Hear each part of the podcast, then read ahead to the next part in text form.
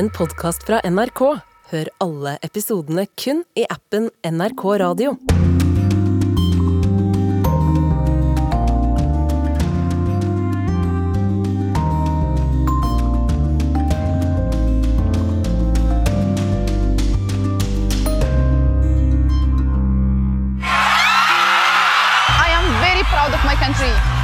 Morocco as the first country in Africa and first country in the Middle East to reach this level is something to be proud of and to be happy about.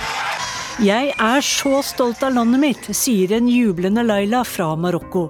Deres lag tapte kampen om VM-finalen, men vant hjerter verden over. I dag kjemper Marokko om tredjeplassen i Qatar-VM. Donald Trumps stjerne daler i USA. Amerikanerne orker kanskje ikke en ny sesong med The Donald, saying, yeah, we've seen this show before. We don't need to see season 12. Den ortodokse kirken er i kamp med seg selv i Ukraina og i Russland. Hvordan blir julen i Ukraina i år? I alle fall mørk, skal vi høre i korrespondentbrevet. Det er en merkelig følelse å bevege seg i en moderne storby med godt over tre millioner mennesker, og knapt noe lys. Du hører på Urix på lørdag, og det er Sissel Wold som er i studio. I dag er verdens øyne igjen rettet mot Qatar, og spesielt i den arabiske og afrikanske verden venter millioner i spenning på om Marokkos herrelandslag sikrer seg bronse i kampen mot Kroatia klokken 16 i ettermiddag. Marokko tapte kampen om finaleplass, men har allerede vunnet en historisk seier som det første arabiske, berbiske og afrikanske landet som har nådd så langt i et fotball-VM. Yama Wolasmal så onsdagens kamp med marokkanere i Qatar.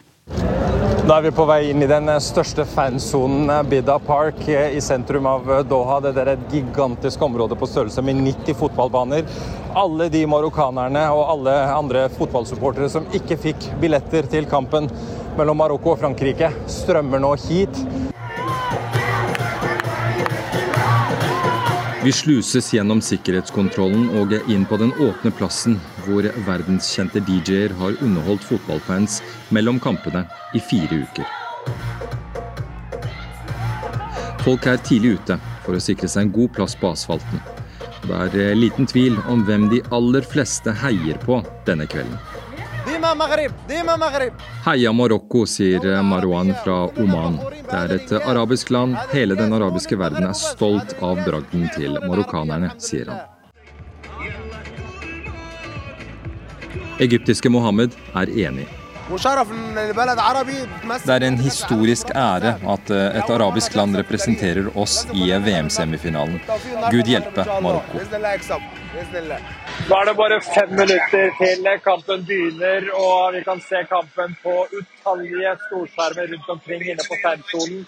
Og det er bare ufattelig store folkemengder som har tatt turen hit for å få med seg denne kampen. Det bare strømmer på med mennesker fra alle kanter. Det sies at nesten 30 000 marokkanere tok turen til Doha for å heie på laget sitt i møte med Frankrike. 23 år gamle Kamal er en av dem. Han har tatt turen til Qatar helt fra USA. Vi skal slå de franske kolonistene. Uansett hva som skjer i kveld, har vi vunnet.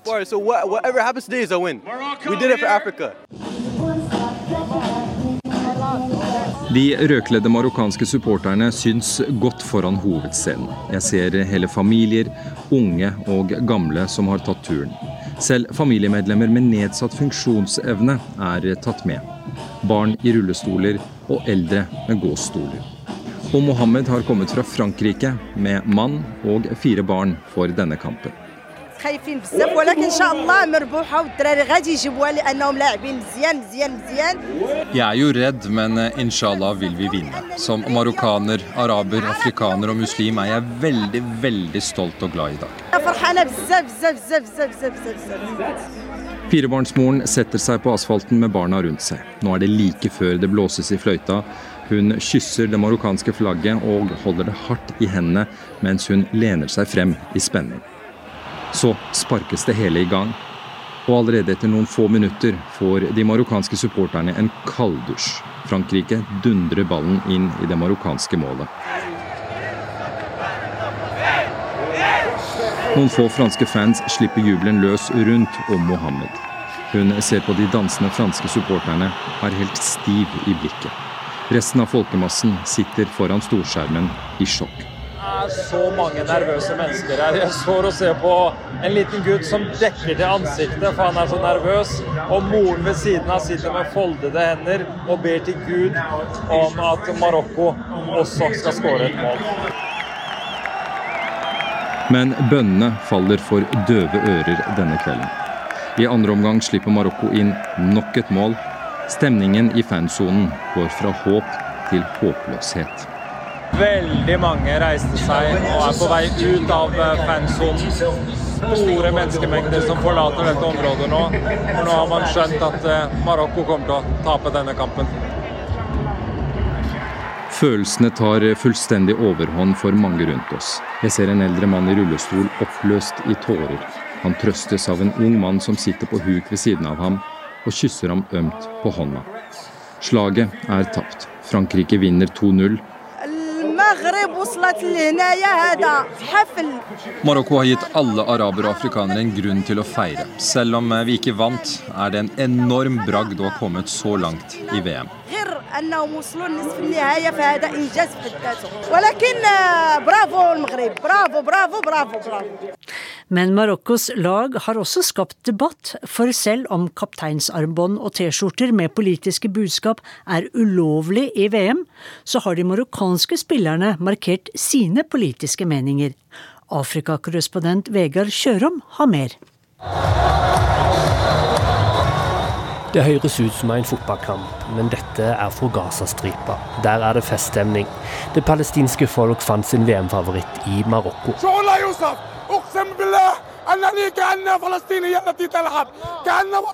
Det er som om det er palestinere som spiller der ute på banen. Det er som om det er mitt fantastiske land som spiller. Vi står sammen med Marokko, roper en litt sliten Ibrahim Alili. Han var blant de mange i Palestina som feira at Marokko tok seg videre til semifinalen.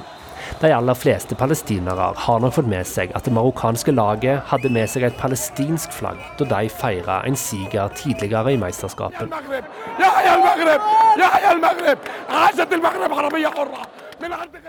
Leve Marokko, roper Ibrahim, og er et levende bevis på at representasjon er viktig også på fotballbanen. Og Marokko er et lag som har representert flere enn bare marokkanerne.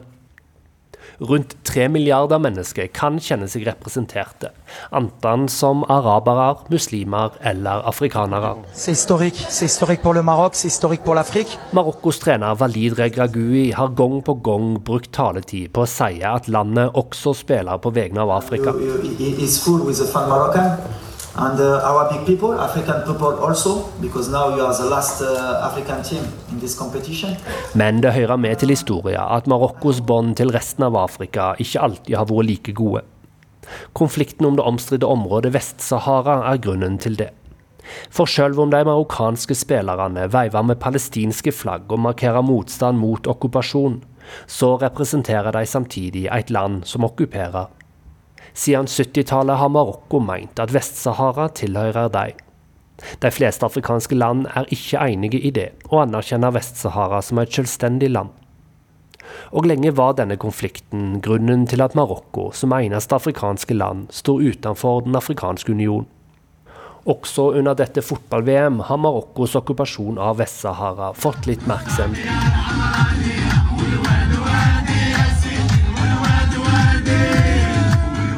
De marokkanske spillerne sitter i spillerbussen og synger med på en sang. De synger teksten 'Sahara tilhører oss', dets land og elver tilhører oss. For folk som kommer fra Vest-Sahara, er det hele en provokasjon.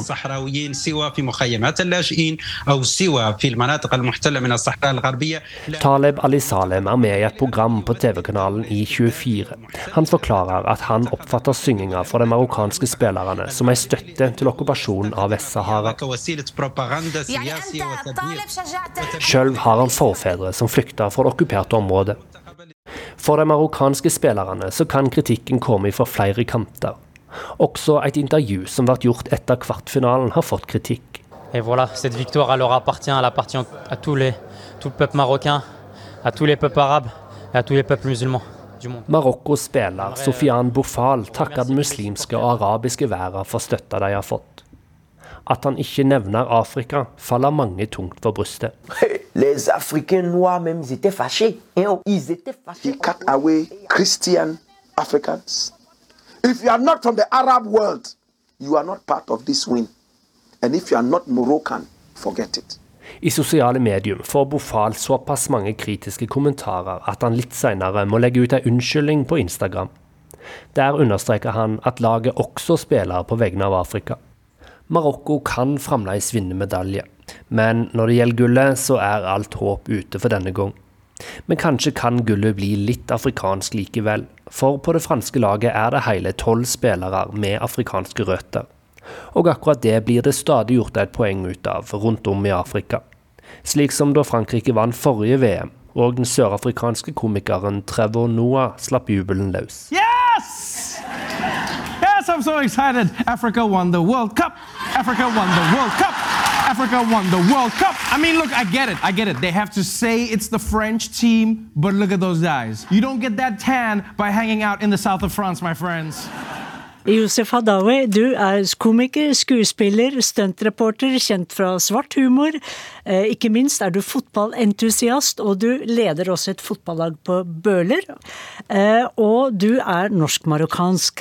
Og når vi hørte Vegard Kjørom her i reportasjen, syns du det er blitt for mye politikk i Qatar-VM? Ja, for mye. Jeg syns det har, blitt, er, har vært altfor mye politikk. Du føler at kritikken mot Qatar har en dobbeltmoralsk bunn? Veldig dobbeltmoralsk bunn. Og jeg kan ikke stå for det. Altså, at det finnes eh, urettferdighet eh, i disse kanter av verden også, det, det veit jeg. Og vi tok debatten før VM og syntes det var bra. Og så tenkte jeg, men, men under fotballkampen, da, kan vi være som vi bare får se fotball? Kan vi ikke bare spare den debatten til Dagsnytt 18 og Dagsrevyen, da, ikke under selve, selve kampen? Og det tror jeg mange har reagert på. At Folk føler seg jo på en måte litt støtt da, fra, av den nordeuropeiske boikotten som har vært. Jeg tror at det er et underliggende eh, muslimhat som har vokst, og eh, hat mot arabere, som, som har ligget der. Som starta sånn rundt 2001, og så har det bare bygd seg opp. Og nå, nå fikk Qatar VM, og så ser du disse, som jeg så Nettavisen kalte det, lakenfolket. Altså Sist gang du hørte noe positivt om arabere, var jo Flåklypa med sjeik Benredik Fifasan. Vi skal først og fremst snakke om fotballglede.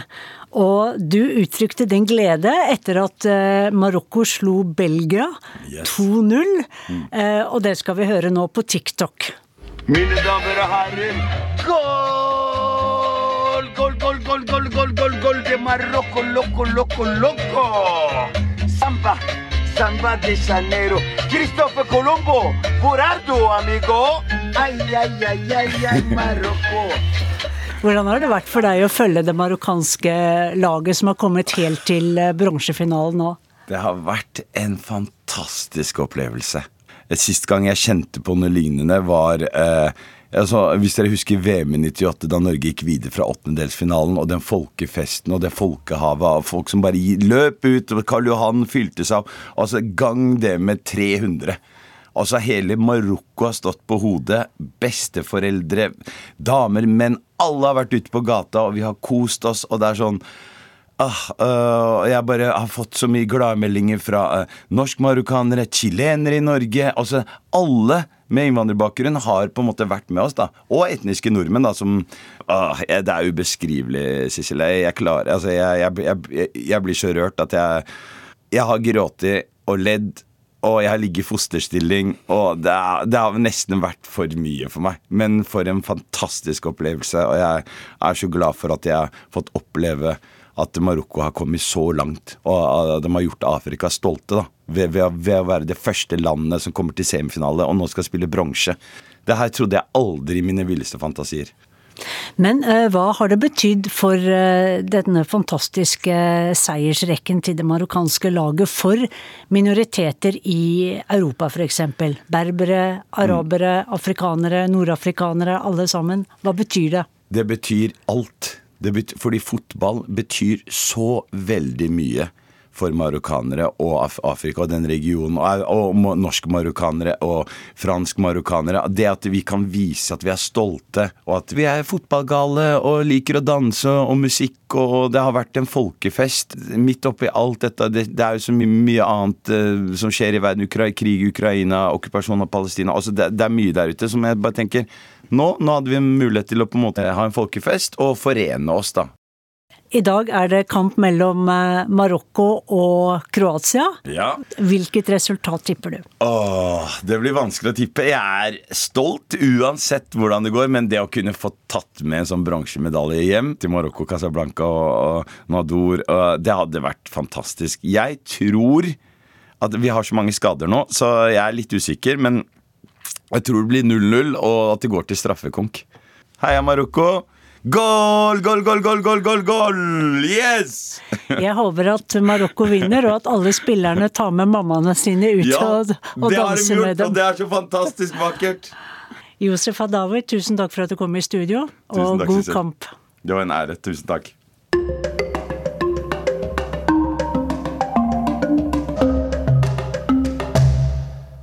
I går var det tre måneder siden iransk-kurdiske Masa Amini døde i politiets varetekt i Teheran etter at hun ble arrestert for å ikke ha dekket i håret godt nok. Aldri har Iran sett et slikt opprør, og myndighetene aner ikke hvordan de skal stanse det. Nå har de begynt å henrette demonstranter for å skrimme, skremme kvinner og menn vekk fra gatene. Men hvordan er det å jobbe som journalist i Iran nå og forsøke å få nyhetene ut? Jeg har spurt en iransk kollega om det, og har forvridd stemmen hennes fordi hun vil være anonym. Every morning that uh, I have my breakfast, I listen to the news, check the news. Uh. Hver morgen når jeg spiser frokost, hører jeg på nyhetene. Og så oppdaterer jeg meg på nettet og på sosiale medier. Og hver morgen begynner jeg å gråte av alle de dårlige nyhetene jeg ser. Det forteller en iransk kollega når jeg ber henne om å beskrive hverdagen sin. Politiet har forsøkt å arrestere henne flere ganger, men hun har alltid greid å snakke seg ut av situasjonene. Derfor ber hun meg pent om å anonymisere både henne og stemmen hennes.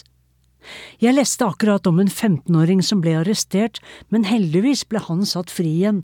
Det var den eneste gode nyheten i dag, forteller hun. Men hvordan er det for deg å jobbe nå, spør jeg. People are scared to talk. For example, I want them to give interview to me. Folk er så redde for å snakke med oss journalister nå. Jeg hørte f.eks. om en kvinne som ble satt fri fra fengselet, og at denne kvinnen hadde blitt voldtatt av åtte menn der inne. Kan du forestille deg noe så forferdelig? Hun er som død innvendig nå. It's good to be the voice of these people, but Og det hadde vært så fint å være stemmen til kvinner som henne. Men hun vil ikke snakke, hun tør ikke, for hun er redd for å bli arrestert igjen.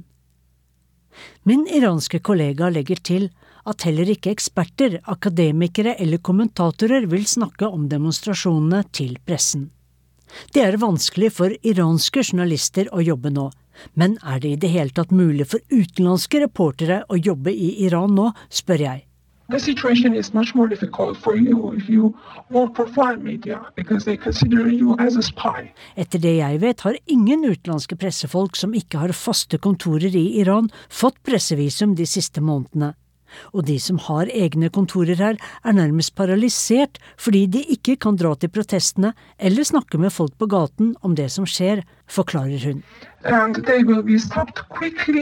Mediefolk vil bli stanset med en gang fordi regimet ikke tillater at iranske stemmer når ut i verden, og ikke ut i Iran heller for den saks skyld, sier den iranske journalisten som har jobbet i 20 år både for iranske og utenlandske mediehus.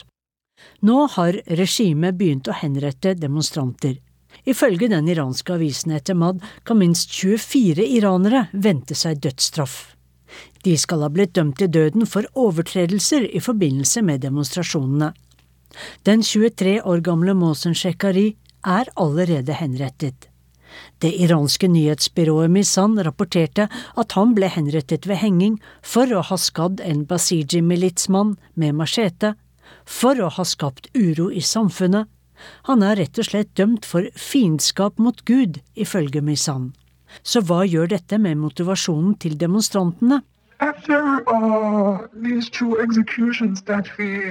Iran, Etter de to første henrettelsene ser vi at oppslutningen om demonstrasjonene har gått litt ned, fordi folk er reddere for å bli arrestert og bli satt i fengsel nå. They did nothing. They, they are sentenced to death for very simple things like Og de unge mennene og kvinnene som er dømt til døden, de har jo bare gjort småting. De har skrevet slagord på veggene, kastet stein mot sikkerhetsstyrkene eller vært med i demonstrasjonene. Og nå vil myndighetene henrette dem for å skremme andre fra å protestere ute i gatene, sier hun. Men hvilken vei går dette, spør jeg, hvordan vil det ende?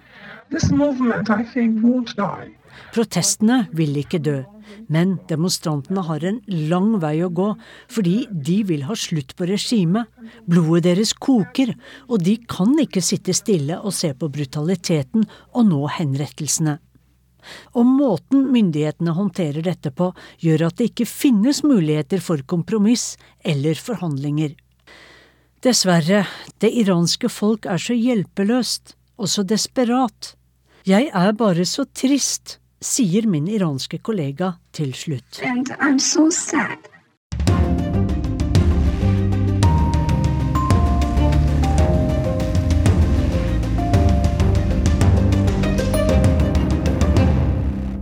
Hva er det egentlig som skjer med Donald Trump? Er han en reell presidentkandidat i 2024? Den tredje presidentvalgkampen han har lansert, har i alle fall ikke begynt så bra.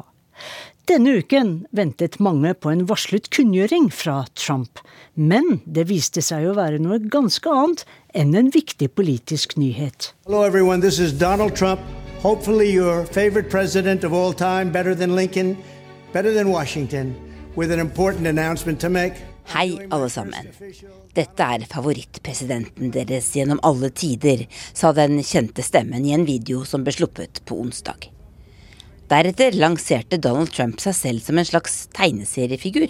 I'm doing my first official Donald J. Trump NFT collection right here and right now. They're called Trump Digital Trading Cards. Den viktige kunngjøringen han hadde annonsert, viste seg å være noe helt annet enn f.eks. nyheten om en visepresidentkandidat. For Trump lanserte rett og slett en serie digitale spillkort med seg selv i ulike superheltkostymer som kan kjøpes på nett. Coming, and this makes a great Christmas gift. Disse er utmerkede julegaver, sa Trump. Kortene viser bilder av ekspresidenten i superheltkostyme, utkledd som cowboy, astronaut og geriljasoldat blant annet, eller sittende oppå en blå elefant. Politiske kommentatorer i USA trodde ikke sine egne øyne. Mange lo og hånet ekspresidenten. I mean, those three criticizing you. He's one of the greatest presidents in history, but I got to tell you, Den tidligere strategiske rådgiveren til Trump, Steve Bannon, lo ikke. Han venter på å sone en fengselsdom han har anket, men har fortsatt sin egen podkast.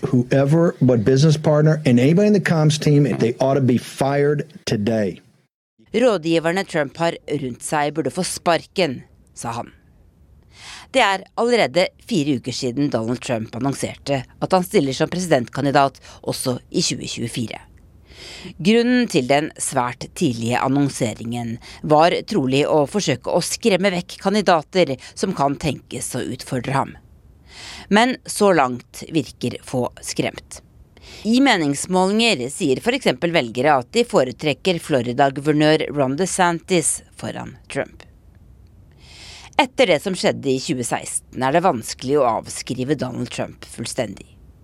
Men et slitent republikansk parti har mye annet å bale med akkurat nå. I neste uke legger dessuten kongresskomiteen som har etterforsket stormingen av Kongressen, fram sin endelige rapport. På mandag skal komiteen stemme over om de vil anbefale at Justisdepartementet tiltaler Trump på minst tre punkter. Annet for å ha gjort opprør mot amerikanske myndigheter. Det som imidlertid virkelig vil avgjøre om Donald Trump er ferdig som politiker, er hva det amerikanske folket orker og ønsker. Det mener bl.a. journalistveteranen James Fallows. Han har i mange år kritisert amerikanske medier for å ha gjort det mulig for Trump å bli president, fordi de dekket valgkampen hans i 2016 som et realityshow. TV-kanalene sendte de underholdende valgmøtene til Trump direkte på TV, og ga ham gratis pressedekning verdt milliarder. Til mediepodkasten The Grey Area sier Fallows at han ikke er sikker på at et amerikansk publikum er interessert i nok en sesong av Donald Trumps valgkamp. He seems a deflated figure now. Yeah. Before he started running for president, he seemed a kind of clownish fringe figure. And I think he may be going back to that again. And the Republicans saying this is not good for us in practical terms, and his audience saying, yeah, we've seen this show before. We don't need to see season 12 of Trump. So I hope that his deflatedness will make it easier for the media to do the right thing. Det kan virke som lufta har gått ut av Trump som politisk kandidat. Og jeg håper dette vil gjøre det mulig for mediene å gjøre det rette, sier Fallows. Altså ikke gi Trump like mye gratis oppmerksomhet som sist. Men Trumps nye superheltkort fikk ganske stor oppmerksomhet denne uka.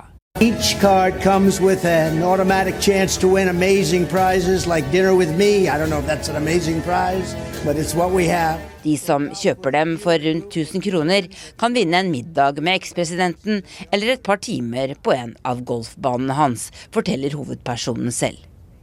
Og allerede et døgn etter at de 45 000 kortene var lagt ut for salg, var de visstnok utsolgt, ifølge nettstedet som selger dem, skriver avisen The Hill.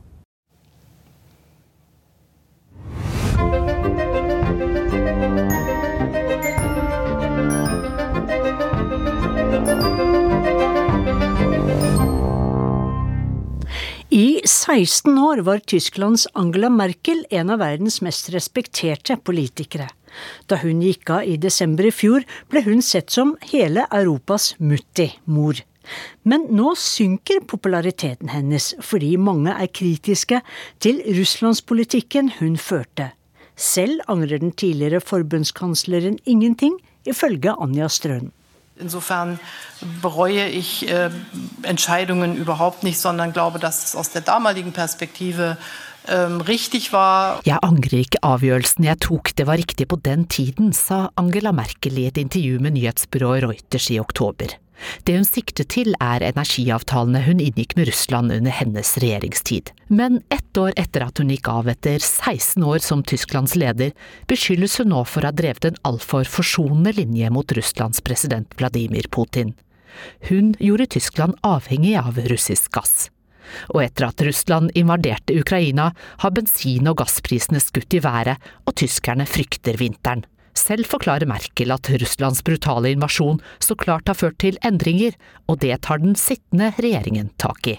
Trotzdem hat dieser brutale Überfall Russlands jetzt ähm, eine Veränderung gebracht. Es ist eine Zäsur. Men den forklaringen holder ikke for tyskerne. Merkel er en del av problemene de nå har havnet i.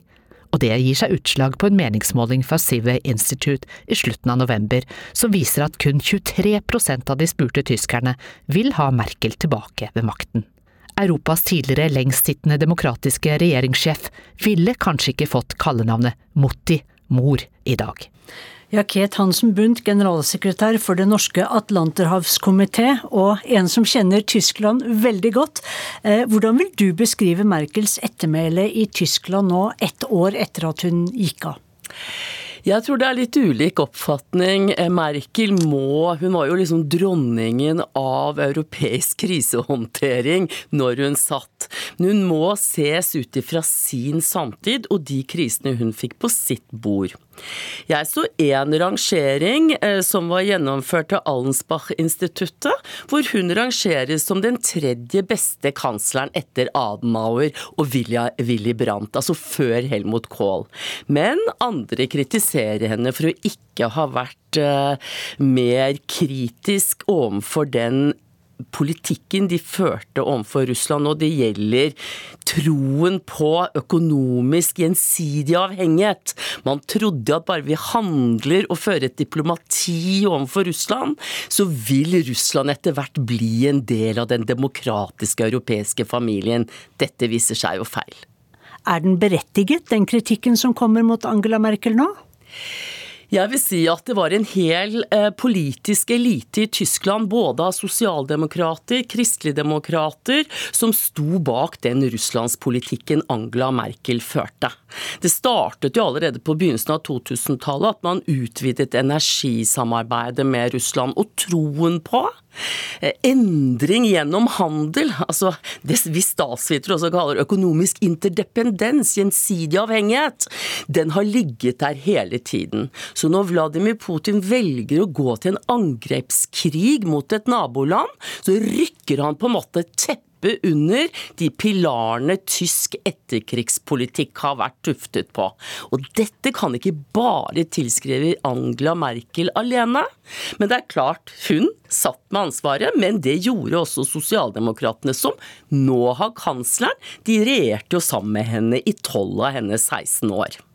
Angela Merkel var jo virkelig Europas mor i mange, mange år. Og i 16 år så var jo hun Tysklands ubestridte leder, og en veldig stabil og trygg person i Vesten i disse urolige Donald Trump-årene, f.eks. Er det noen som har greid å fylle hennes eh, plass nå, hennes sko? Nei, altså hun sto jo på en måte Hun ble dronningen av den liberale verdensorden og ble liksom forsvareren av henne. Det sies jo at Obama når han gikk av, ba henne stille en fjerde periode som kansler i Tyskland. Det er en litt annen situasjon. I dag er vi inne i en krig i Europa.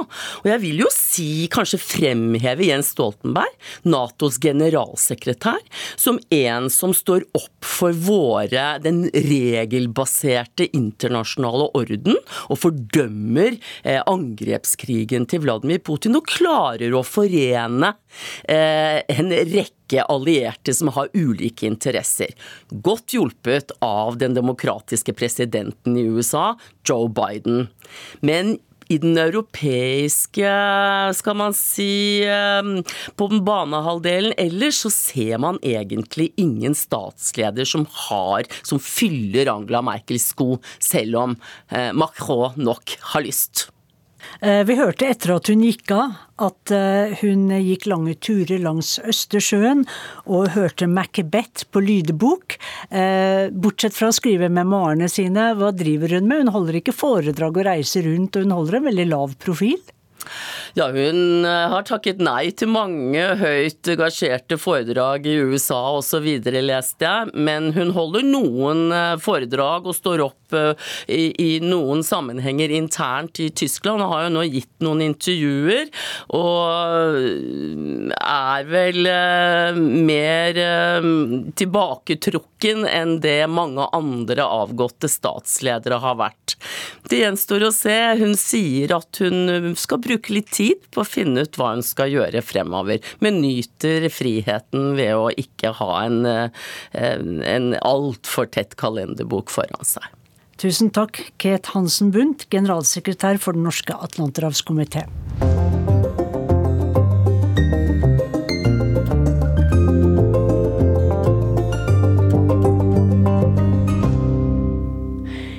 Mange kriger spiller religion en stor rolle, så også i Ukraina-krigen. For denne krigen splitter den russiske og den ukrainske ortodokse kirken mer og mer. Nå vil president Volodymyr Zelenskyj forby den russisk-ortodokse kirken i Ukraina.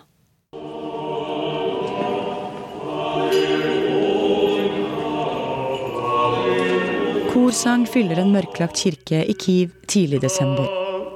Prest metropolitan Aleksand i den ukrainsk-ortodokse kirken ber til Gud og Maria i en krig som har pågått i snart ti måneder.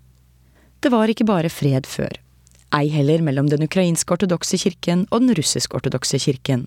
Allerede i 2019 ba den ukrainske kirken patriarken i Konstantinopel, altså Istanbul, om selvstendighet fra Moskva. Det var verken populært hos patriarken i Moskva eller hos hans nære allierte, Vladimir Putin. Nå har krigen gjort at konflikten mellom de to kirkene har blusset opp igjen. I september sa patriark Kirill i Moskva at russiske soldater som døde i Ukraina, ville gå fri for all synd. Han som dør i militær tjeneste, har gjort det samme som å ofre seg for andre, og all hans synd vaskes vekk, sa patriarken. Samtidig har mange lokale ukrainske prester med lojalitet til Moskva åpent støttet Russland. Det har skapt uro og sinne hos mange ukrainere. Landets sikkerhetstjenester sier de har ransaket over 300 ortodokse kirker og forhørt en rekke prester.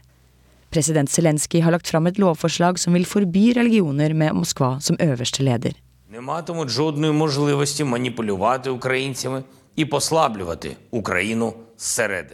Ingen aktører som er avhengig av den aggressive staten, skal kunne svekke Ukraina fra innsiden, sa Zelenskyj. I levende lys og med menigheten rundt seg sier prest Aleksandr at han støtter forslaget. Det blir i så fall et brudd med en tusen år lang tradisjon. Russlands ortodokse kirke har nemlig sine røtter i Ukraina, der fyrst Vladimir Akiv skal ha valgt den ortodokse kirke og latt seg døpe i år 988. Historikere sier fyrst Vladimir kan ses på som Russlands hellige Olav, og at Kiev er deres Trondheim eller Stiklestad. Så spørs det om Russlands angrepskrig eller Zelenskyjs lov kan endre på det. Ja, det sa reporter Heidi Taksdal Skjeseth. Og nå til Moskva og korrespondent Gro Holm, der den russisk-ortodokse kirken jo har sitt hovedkvarter. Er denne kirken i større og større grad et redskap for president Vladimir Putin? Kirken ble viktig for Putin fordi eh, Russland jo var på jakt etter en ny nasjonal idé etter at kommunismen falt. og eh, Jeltsin ga opp å finne denne nye nasjonale ideen. og Der trådte på en måte Kirken inn, og Putin har i stadig økende grad eh, brukt den. og eh, Du kan se på den nasjonale sikkerhetsstrategien som kom i fjor sommer, så er dette med tradisjonelle verdier eh, veldig vektlagt. Og, og, Det er da som en front mot vestlige verdier, ikke minst mot eh, homofili og, og kjønnsskifte og den eh, type ting. Ja, for Putin er jo selv et barn av sovjettiden, så du vil jo ikke tro at han har vokst opp med å gå i kirken. Er han religiøs, eller er dette veldig strategisk for ham å bruke patriark Kirill og den russisk-ortodokse kirken til å legitimere krigen som jo skjer nå? Det er vanskelig å krabbe inn i Putins hode. Han eh, ble jo døpt som barn, det har han selv fortalt i sin eh, biografi. Og han eh, begynte å gå i kirken ganske tidlig i sitt presidentskap. Men det er klart at nå i den krigen som pågår, er kirken utrolig viktig.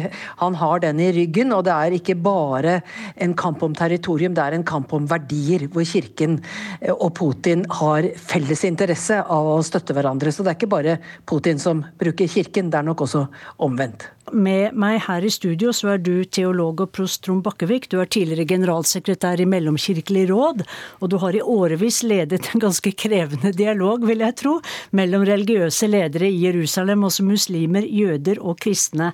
Og vi må snakke om patriark Bartolomeus, som sitter i Konstantinopel og leder Østkirken, og han godtok at den ukrainsk-ortodokse kirken brøt ut har han en del av ansvaret for at disse to kirkene nå er nærmest i kamp mot hverandre? Ja, det har han for så vidt, og jeg tror han er fullt beredt til å ta det ansvaret. Fordi det er en lang ortodoks tradisjon at kirke og nasjon de dekker omtrent det samme området. Altså Man snakker nærmest om et kanonisk territorium, for å bruke en sånn kirkerettslig term. Så han godtok dette mot russernes vilje, og mot for så vidt også en del andre ortodokses vilje.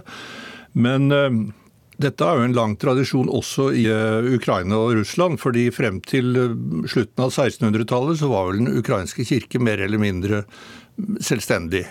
Og så har du jo hele diskusjonen er ukrainere egentlig russere, og er de ikke russere? Ukrainere vil jo mene at de ikke er russere, og derfor har de rett også på sin egen kirke.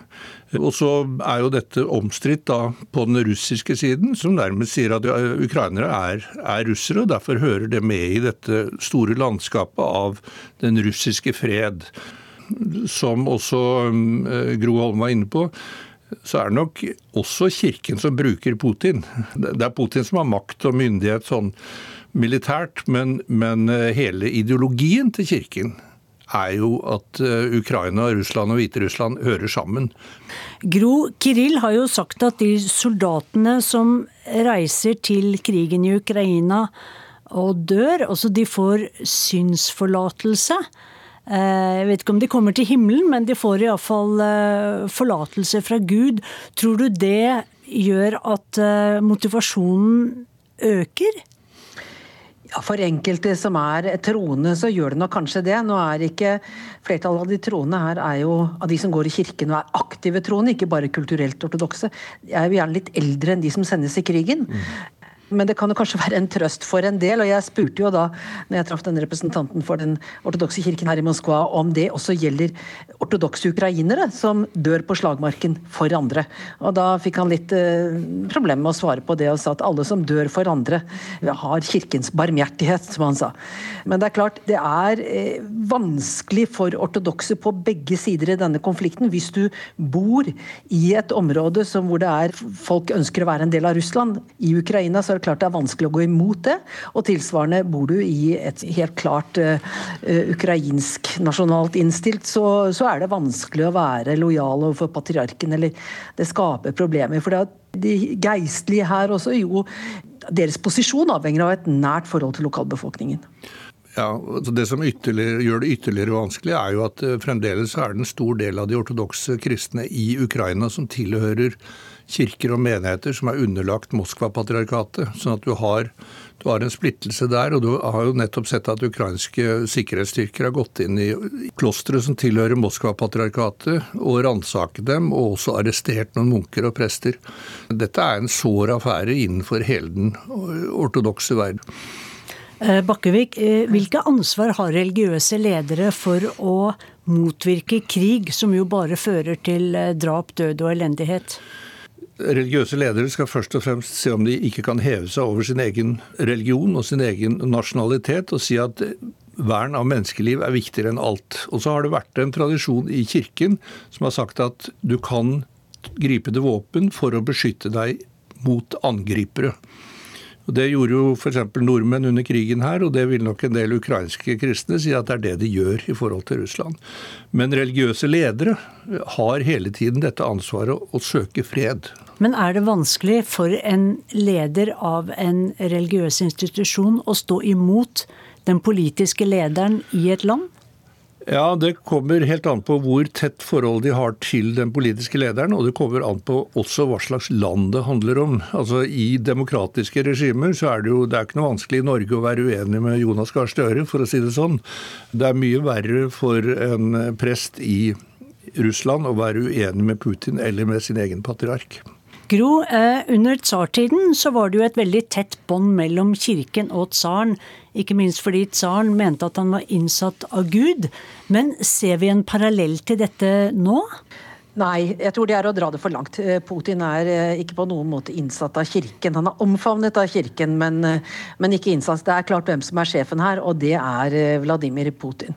Ja, nei, jeg, jeg, er helt enig i det. Men, men altså, Kiril har beveget seg farlig nær uh, når han sa noe sånt som at uh, president Putin er Guds gave til Russland. Jeg har ikke sitatet nøyaktig foran meg, men han sa noe sånt noe. Uh, han er ikke innsatt av Gud, men han er kanskje Guds gave, sånn som patriarken ser det. Og Hva er ditt ønske, Trond Bakkevik? Ser du noen lysning for den ortodokse kirken, du som har drevet med dialog mellom fiender? Ja, jeg håper jo at den eh, kan gå fredens vei, og den kan kanskje ikke det uten at det nåværende lederskapet i den russisk-ortodokse kirke blir avsatt.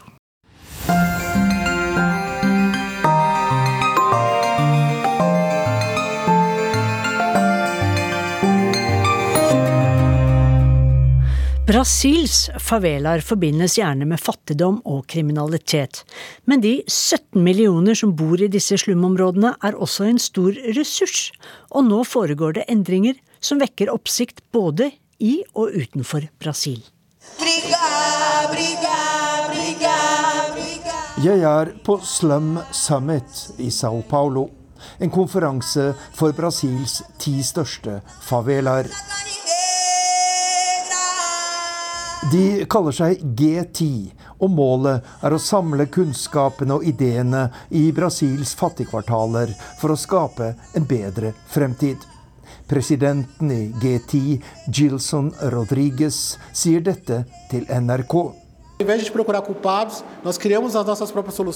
I stedet for å lete etter noen å skylde på, skaper vi våre egne løsninger.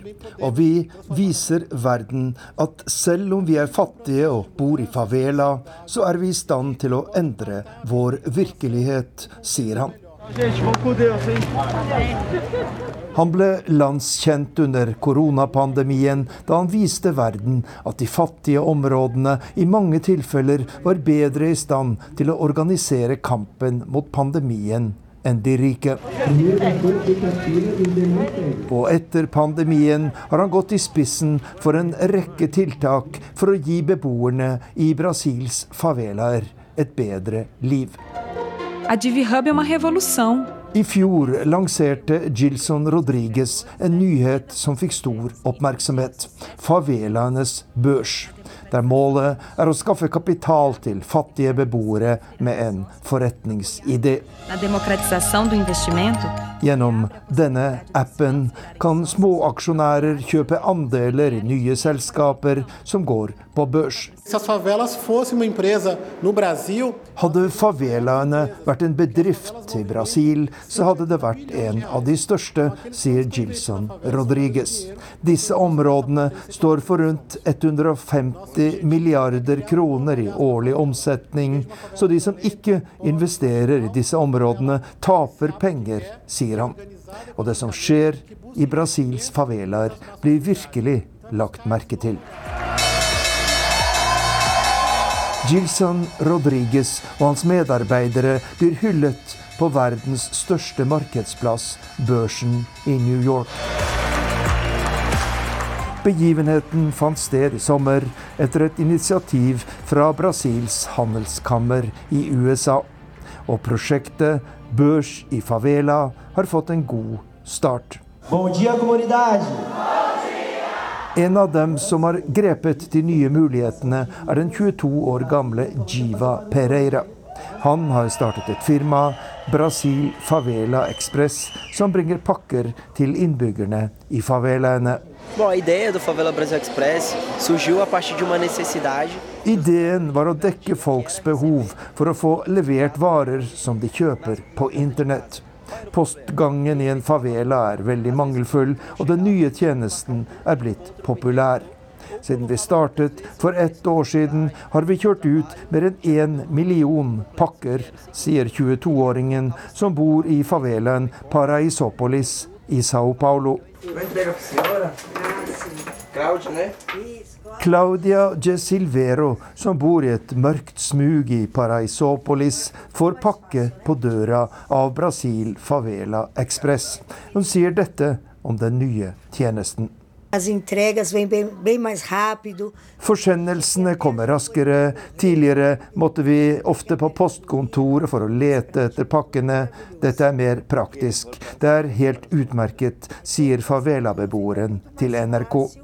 Og selskapet har fått god respons etter at det ble registrert på favelaenes børs. Vi har solgt aksjer for nær 1,8 millioner kroner fordelt på 381 investorer. De siste månedene har de hatt en pen avkastning på sine investeringer, sier den unge entreprenøren til NRK. Vår reporter i Rio, Arnt Stefansen, hadde vært på toppmøtet Slum Summit.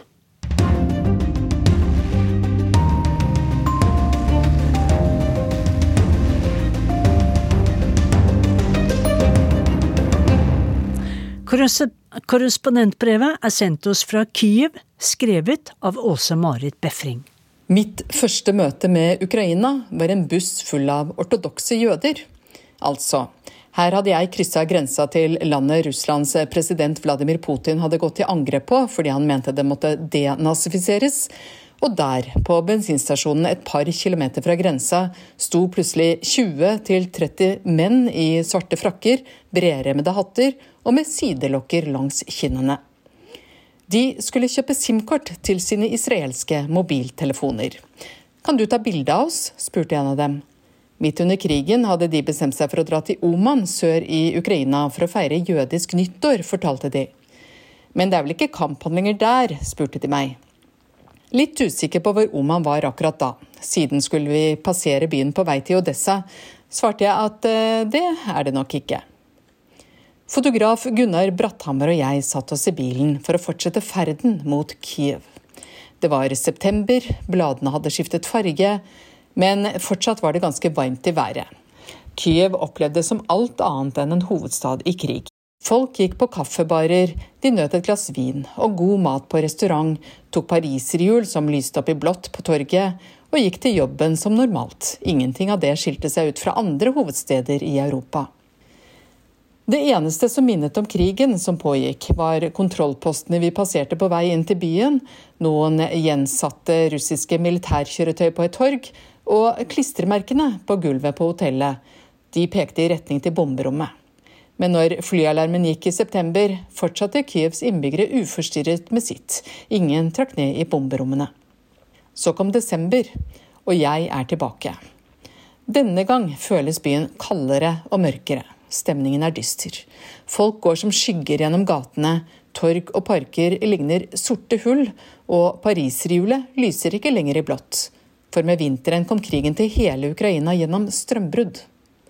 Og folk tar flyalarmen på alvor. Alle finner veien til bomberommet når russiske droner og missiler regner over byen. Senest onsdag kom de, dronene. De durte over sentrum av byen. Jeg fant veien ned til bomberommet sammen med mange andre, etter å ha blitt vekket litt før klokken seks lokaltid. Litt fortumlet trakk jeg på meg noen varme klær og gikk til garasjen på hotellet. Der har de ryddet plass til noen stoler, sofaer og en kaffemaskin, mens bilene er parkert på gata.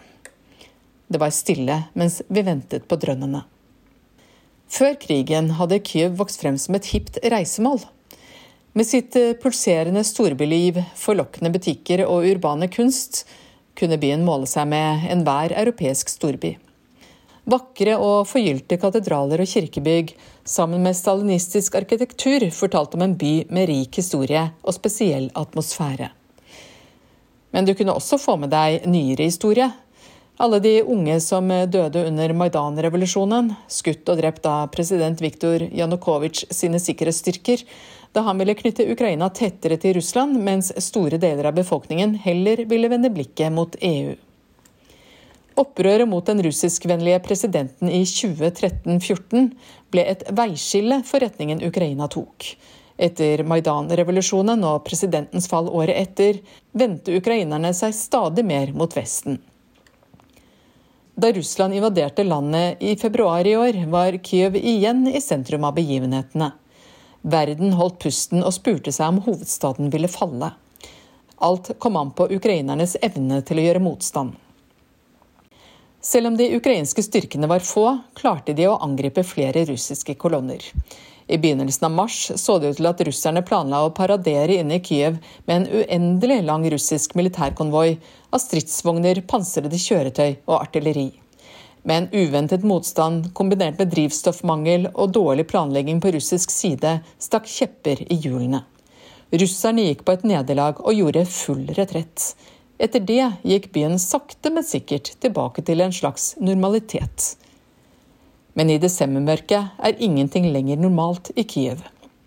Det er en merkelig følelse å bevege seg i en moderne storby med godt over tre millioner mennesker, og knapt noe lys.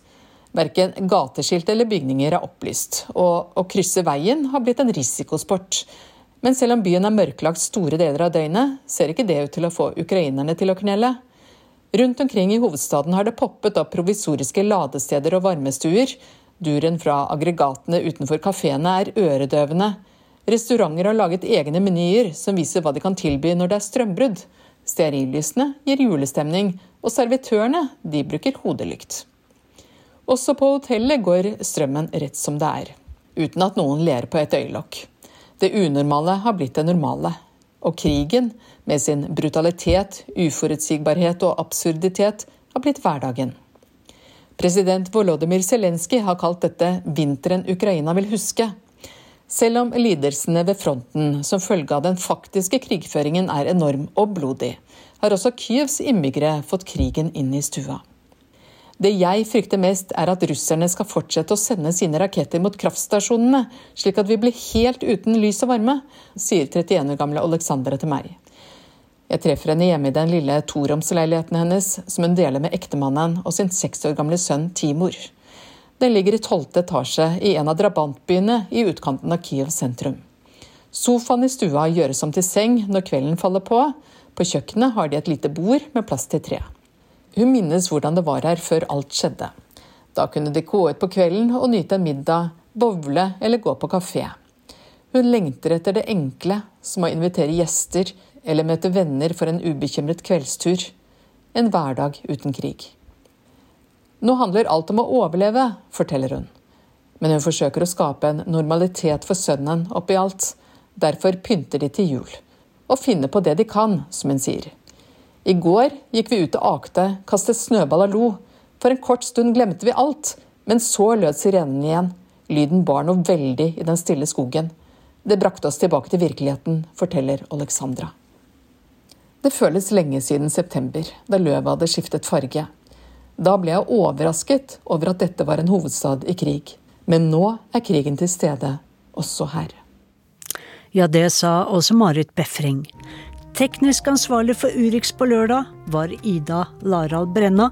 Produsent Jon Branes. Og her i studio Sissel Wold. Du har hørt en podkast fra NRK. Hør alle episodene kun i appen NRK Radio.